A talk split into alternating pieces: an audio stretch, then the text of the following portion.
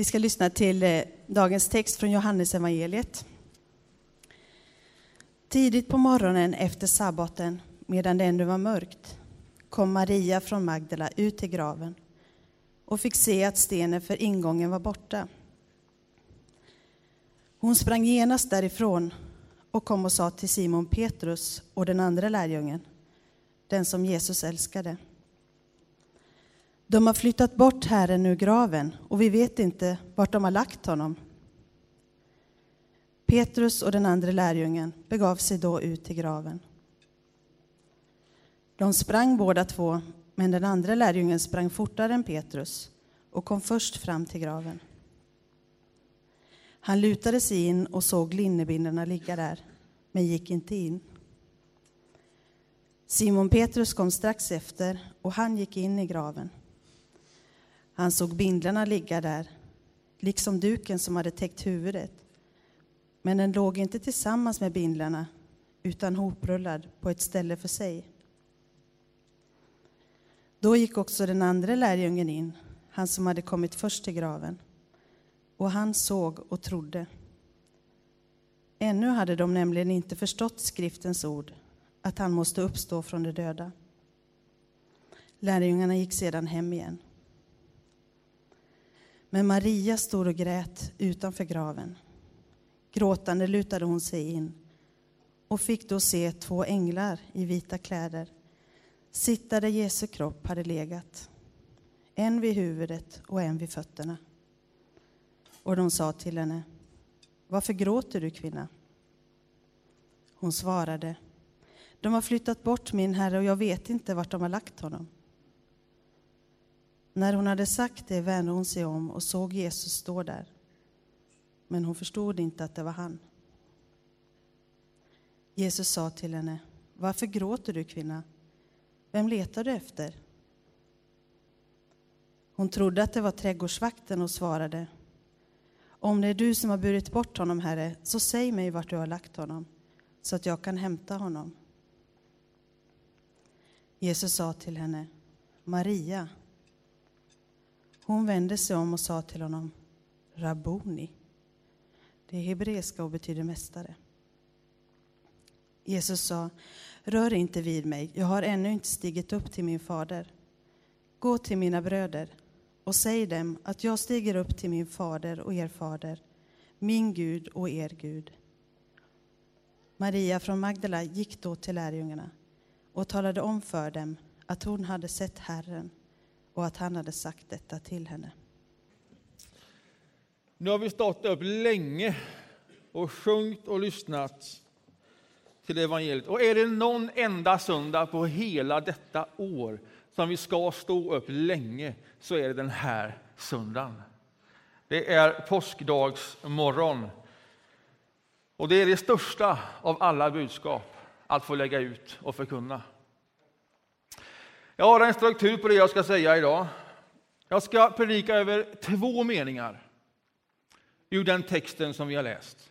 Och emellan de två meningarna så ska jag göra en liten utflykt genom den svenska ståuppkomikern Johan Glans. Så orienterar vi oss i vart vi befinner oss i denna predikan. Två meningar. Den första meningen den lyder så här. Och han såg och han trodde. Och han såg och han trodde. Vem är det som såg? Och vad var det han såg? Så att han trodde. Och han såg och han trodde. Det är Johannes som skriver detta, som vi har lyssnat till och läst. Det är ju en härligt detaljerad beskrivning av vad som har hänt. Det är inte bara en enkel beskrivning av att graven var tom. Det finns mycket mer än så i den här berättelsen. En kvinna kommer dit först, Maria från Magdala. Och hon upptäcker detta, graven är tom och hon springer till bröderna och sen är det två av dem som springer snabbt dit för att se om detta verkligen är så. Petrus och en till, den som Jesus älskar, är förmodligen Johannes. Nu verkar det som att Johannes han är mycket kvickare än Petrus. Så han skriver in där att den lärjungen, han kom faktiskt först fram. Och sen när han kommer först fram och ser detta så går han ändå inte in, utan stannar där vid ingången. Och sen när Petrus kommer ikapp, lätt andfådd, då går han bara rakt in. Här är två personligheter som kommer i dagen. Och när han går rakt in, då följer Johannes med. Och sen står de där inne bägge två. Och vad ser de? En tom grav. Ja, Johannes ser mycket mer än så. Han ser bindlarna, de ligger kvar där. Och sen noterar han detta, att duken som låg över huvudet på Jesus, att den nu var ihoprullad. Och att den låg på ett ställe för sig. Allt detta tar Johannes in. Det är sinnesnärvaro det, efter en snabb spurt. Beskrivningarna är lika detaljerade om man var här i fredags på långfredagen och läste om det som då hände, om korsfästelsen. Också där kunde man ju nöjt sig med bara konstatera, och sen korsfästes han och han dog. Men inte då. Här finns en beskrivning av människor och hur de ska förhålla sig till varandra, hur de upplevde vad de såg. Och att kropparna var tvungna att tas ner snabbare än vad de brukade göra, för det var en, en stor sabbat. Och för att säkerställa att de här verkligen nu var döda som hängde där, så skulle benen krossas på dem, så att de inte skulle kunna kvickna till och gå därifrån. Och så ser han hur de gör det på de andra, men inte på Jesus. För han var redan död. Men de stack honom i sidan så att där kom vatten och blod. Detaljerat beskrivet igen. Och så säger Johannes så här, den som såg det har vittnat om det för att också ni ska tro. Hans vittnesbörd, det vill säga mitt Johannes vittnesbörd, det är sant och han vet att han talar sanning. Det var verkligen så här. När han stiger in i den tomma graven, då har han sinnesnärvaro att registrera att duken som låg över Jesu huvud hade rullats ihop. En underbar kommentar och lagts på ett ställe för sig. Ordning och reda. Varför alla dessa detaljer av det som har hänt? Vad är grejen? Grejen är denna. Vår tro. Vi som nu finns här många år efteråt, vår tro är inte en lära att omfatta. Vår tro är inte heller bara en känsla att ta emot. Johannes berättar vad som har hänt. Noga, detaljerat. Vår tro den handlar om en Gud som handlar i historien. I vår värld på vårt språk så att vi förstår. Vår tro handlar om vad Gud gör och vad Gud har gjort. Så tydligt att det är värt att nämna hur duken var hoprullad och lagt på ett ställe för sig. Att Gud handlar historiskt, fysiskt, kroppsligt det är grunden för vår tro. Kommer ni ihåg citatet?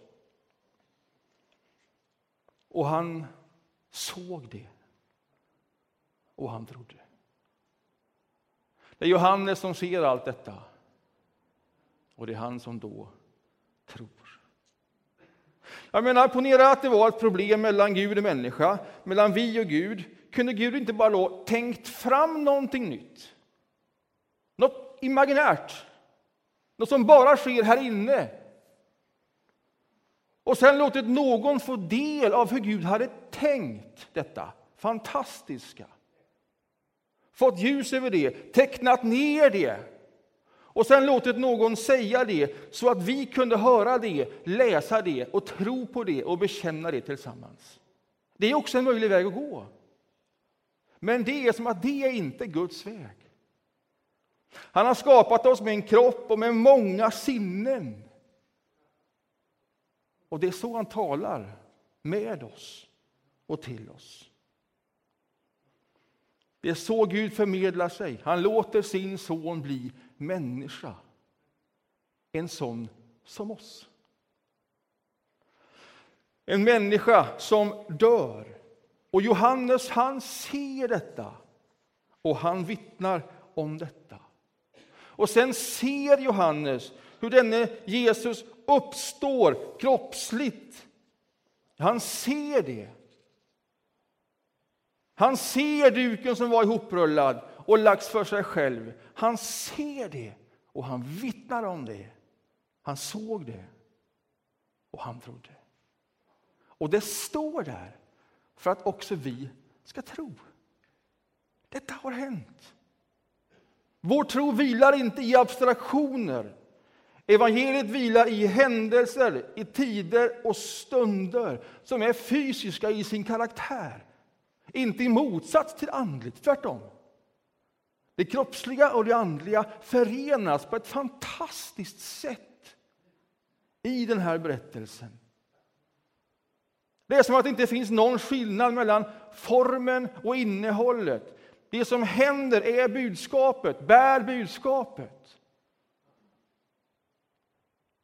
Långt senare, och ganska mycket i vår tradition här, så har vi skapat en skarp åtskillnad mellan formen och innehållet.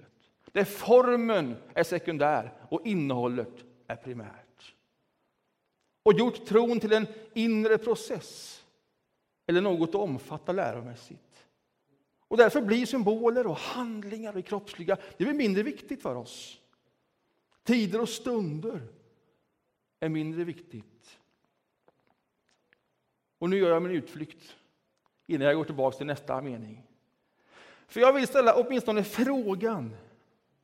Nu resonerar jag snart ska jag förkunna igen. Men jag vill ställa åtminstone frågan om det inte möjligen är så att vi går miste om någonting om vi slarvar med det kroppsliga.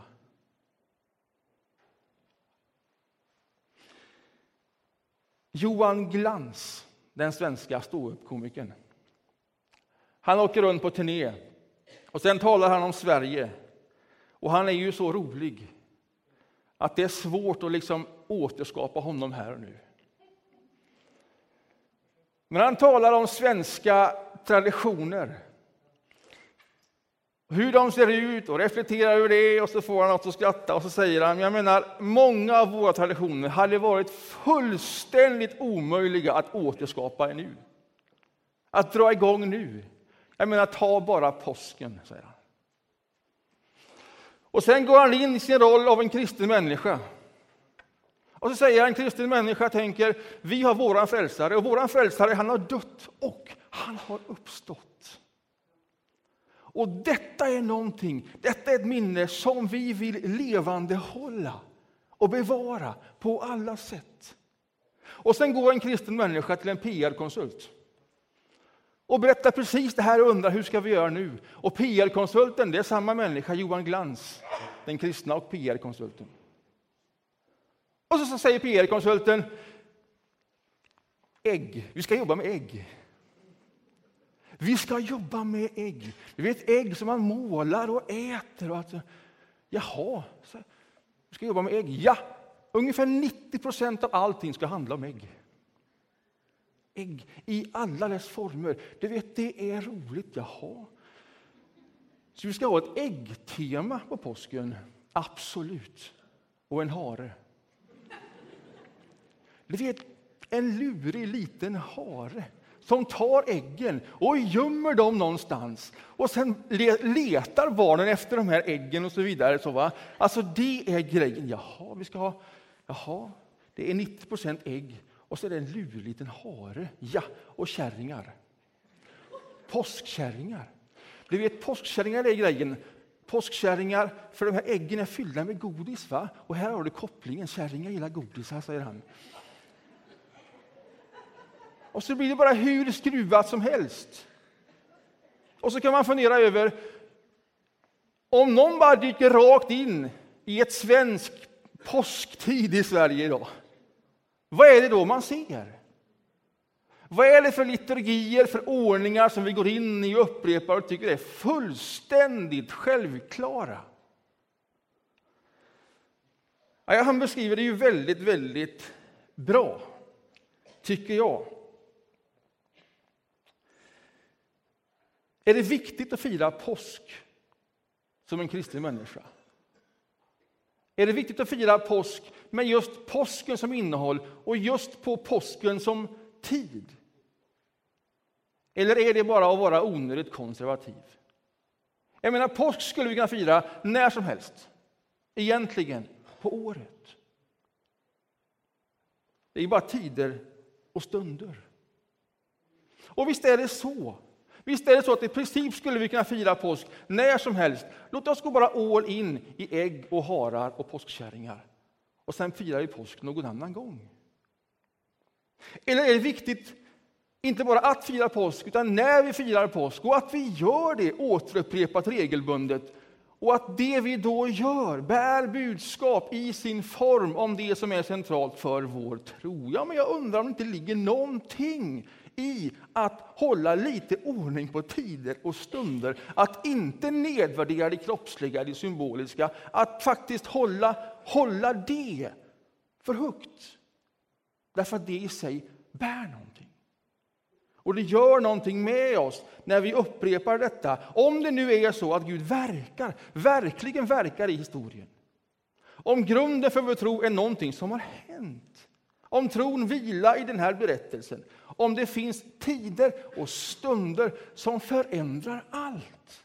Om det är det vi tror. Om det är så fysiskt, om det är så kroppsligt, om Gud har agerat så rakt in i vår värld och att det är så viktigt för Johannes. Kanske finns det en hemlighet också för oss att återupptäcka och återuppleva dessa tider och stunder och händelser och det som har hänt. För jag tror när vi gör det så gör det någonting med oss. Kroppsligt och andligt förenas. Och där i finns en hemlighet. Formen bär innehållet. Jag undrar, och nu håller jag på att dra ihop den här utflykten för att komma tillbaks in i min förkunnelse. Jag undrar om inte ett förandligande av tron, det vill säga om vi gör det oviktigt när vi firar påsk, att vi firar påsk. Jag undrar om ett förandligande av tron till bara någonting inre över tid, om inte det leder oss in i en inre sekularisering. Och att vi är de som förlorar på det. Vi skiljer form och innehåll åt. Vilket är så märkligt. För det gör vi ju inte på andra områden i livet. Vi har ju andra liturgier som vi är hypernoga med, starka liturgier kring andra helger på året, midsommar och nyårsafton. Det är väl förmodligen de två mest heliga helgerna på ett år. Vi planerar det långt i förväg. Vi vet vilka vi ska fira det med. Vi säkrar upp sådär. Va? Vi samlar vänner, vet det gott och vad vi gör är viktigt. Vi dansar och vi skjuter raketer. Och vi upprepar det här år efter år efter år. Det här kunde vi göra precis när som helst på året. Det är ju helt oviktigt när man gör en nystart på ett år. Eller när man kickar igång sommaren. Vi skulle kunna göra det när sommaren kommer istället för på midsommarafton. Men här har vi en stark liturgi som vi upprepar och genom det för vi vidare ett mönster till nästa generation. För det är så mycket viktigt som förmedlas genom detta vänskap och tradition. Och det vill mycket till för att vi ska göra något annat på midsommarafton och nyårsafton. Vi håller det hårt och noga om formen. Vi har det i kroppen. Okej, okay. jag vill inte moralisera, bli legalistisk. Jag vill, inte, jag vill bara föra upp en, reflektera över detta omkring tider och stunder. Om det inte ligger någonting i att också återta det. Liturgier som genom sin form gör oss delaktiga i Guds frälsningsverk genom Jesus Kristus. Det är ju därför vi firar så mycket gudstjänster på påsk. För att följa honom dag efter dag efter dag. Att fredag får vara fredag och påskdag får vara påskdag. Det är därför vi återkommer till texterna och sångerna och handlingarna, därför att formerna bär innehållet och gör någonting med oss när vi går in i dem. Precis som på midsommar eller nyårsafton. Det är inte oviktigt att fira påsk, kära vänner. Det är inte oviktigt att fira påsk, kära vänner. Nu predikar jag igen. Därför att det är också av det här skälet, av ett kroppsligt skäl, att man är noga med detta som man genom hela kyrkans historia har förnyat sitt dop som en del av påskfirandet denna helgen. Vilket vi också ska göra idag. För det som hände då, som Johannes så detaljerat och målat beskriver, det hände då och gällde Jesus, liksom det gäller oss och händer nu. Detta är ju det stora mysteriet. Och detta blir som allra tydligast i dopet. Lyssna här. Det som sker med Jesus det som beskrivs då storslaget och detaljerat, det sker också med oss i tro och genom dop. Detta är budskapet. Och detta är den andra meningen. Så här säger Jesus. Gå till mina bröder och systrar och säg dem att jag stiger upp till min fader och er fader, min Gud och er Gud. Påsken är inte bara en berättelse om Jesus. Det som gäller honom gäller också oss. Detta är evangeliet. Detta är budskapet. Gå till dem och säg att jag stiger upp till min fader, men det är inte slut där. Och er fader. Säg åt dem att jag stiger upp till min Gud, men det är inte slut där. Och er Gud. Vi delar den resan i tro och dop med Jesus Kristus. Detta är ju helt enastående. När vi tror på det som hänt på det som faktiskt är historia beskriven här. På Jesu död och uppståndelse, då blir det genom tron och då vår egen död och uppståndelse. Genom en yttre handling, genom vilket den helige Ande verkar i vårt inre. Ser ni igen hur formen och innehållet bara gifter ihop sig. Det vi gör i tro är också det som sker. Det är inte mindre än så. Därför har du som tror och är döpt, du har redan dött och lever ett nytt liv. Det är detta som är så svårt att riktigt få grepp om, för vi sitter ju här allihop levande. Och ändå är det precis så. Du har genom din tro och ditt dop, du har dött. Och du har uppstått och du lever ett nytt liv. Och i den handlingen dör du från synden. Du lämnar världen och går in i Guds rike. Så här formulerar Paulus det. Ni har ju dött. Det är ju verkligen så, ni har ju dött och lever ett osynligt liv tillsammans med Kristus hos Gud. Det är vad som har skett. Hans väg är vår väg. Vi åker med på den. Det eviga livet är inte sen, det är inte någon annanstans. Du lever det nu. Och Det är därför så viktigt att vi upprepar detta, förkunnar detta, påminner oss om detta, ikläder oss det igen och igen och, i, och med kraft på påskdagen. Därför detta är vårt liv. Du lever det i tro nu. Visst är det så att kroppen bryts ner. Ingen undgår smärta och lidande. Ingen undgår sorgen. Döden är en skilsmässa. Det går inte att komma ifrån och ska inte slarvas bort. Men, och detta är påskdagens men, det är inte sista ordet. Inte för den som tror. Jag är uppståndelsen och livet. Det är ett citat. Det är Jesus som säger det i samma evangelium. Jag är uppståndelsen och livet. Den som tror på mig ska leva om han än dör.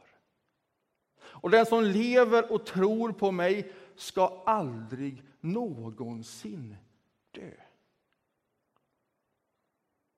Tror du på det?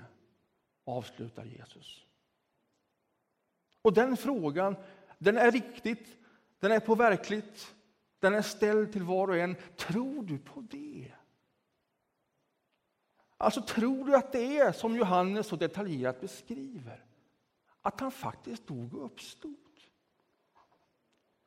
Och om du tror på det, ja men jag tror det, det har hänt någonting i min sinnevärld så att det som är så orimligt plötsligt blir rimligt för mig. Det är ett under. Och om du tror på det och du inte är döpt, då finns det ett enda råd till dig. Låt döpas. Låt dig döpas, gå den vägen. Det är din väg, det är ditt nästa steg. Så att detta blir din verklighet. Så att du får del av detta, inte bara i tanken, utan i hela din kropp. Därför så jobbar Gud. Och om du tror och är döpt, då behöver du inte döpas igen. Men du kan förnya ditt dop. Ta emot det igen. Du behöver aldrig döpas igen. Lika lite som Jesu historiska död och uppståndelse behöver upprepas eller kan upprepas igen. Det ligger där som ett fundament. Det har hänt. Han är död och uppståndelsen. Du är döpt. Du är levande i honom. Det ligger där. Du kan vila i det. Men nu och då så behöver man liksom förnya saker och ting som är. Och det här är en sån dag. Så att det liksom händer igen, personligt. Det här är ju det vi gör varje gång som vi firar nattvard. Nattvarden är ju en förkunnelse om hans död och uppståndelse, kropp och blod, bröd och vin. Och varje gång som vi tar emot det så tar vi emot hans död och uppståndelse som om det hände igen för mig. Men det händer ju inte igen, för det har redan hänt. Det behöver aldrig hända igen. Och likväl tar vi emot det igen och igen och igen. Samma sak med dopet. Och Det kommer praktiskt gå till så här att där vi brukar ha två av oss som står och välsignar, där kommer Annette och Jonas stå med en skål vatten. Vattnet kommer härifrån, symboliskt från vår dopgrav. Och vill du förnya ditt dop så går du dit. Och sen kommer de ta vattnet därifrån, teckna ett kors på din panna och du kommer få höra över ditt liv att du är död och uppstånden med Kristus. Lev i Kristus och låt dig uppfyllas av heligan.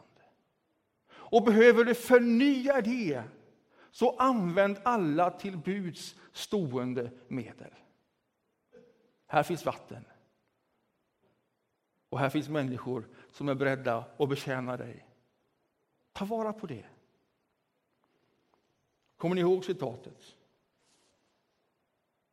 Gå till mina bröder och systrar och säg till dem att jag stiger upp till min fader och er fader, min Gud och er Gud. Det som gäller Jesus, det gäller också oss. Det är evangeliet.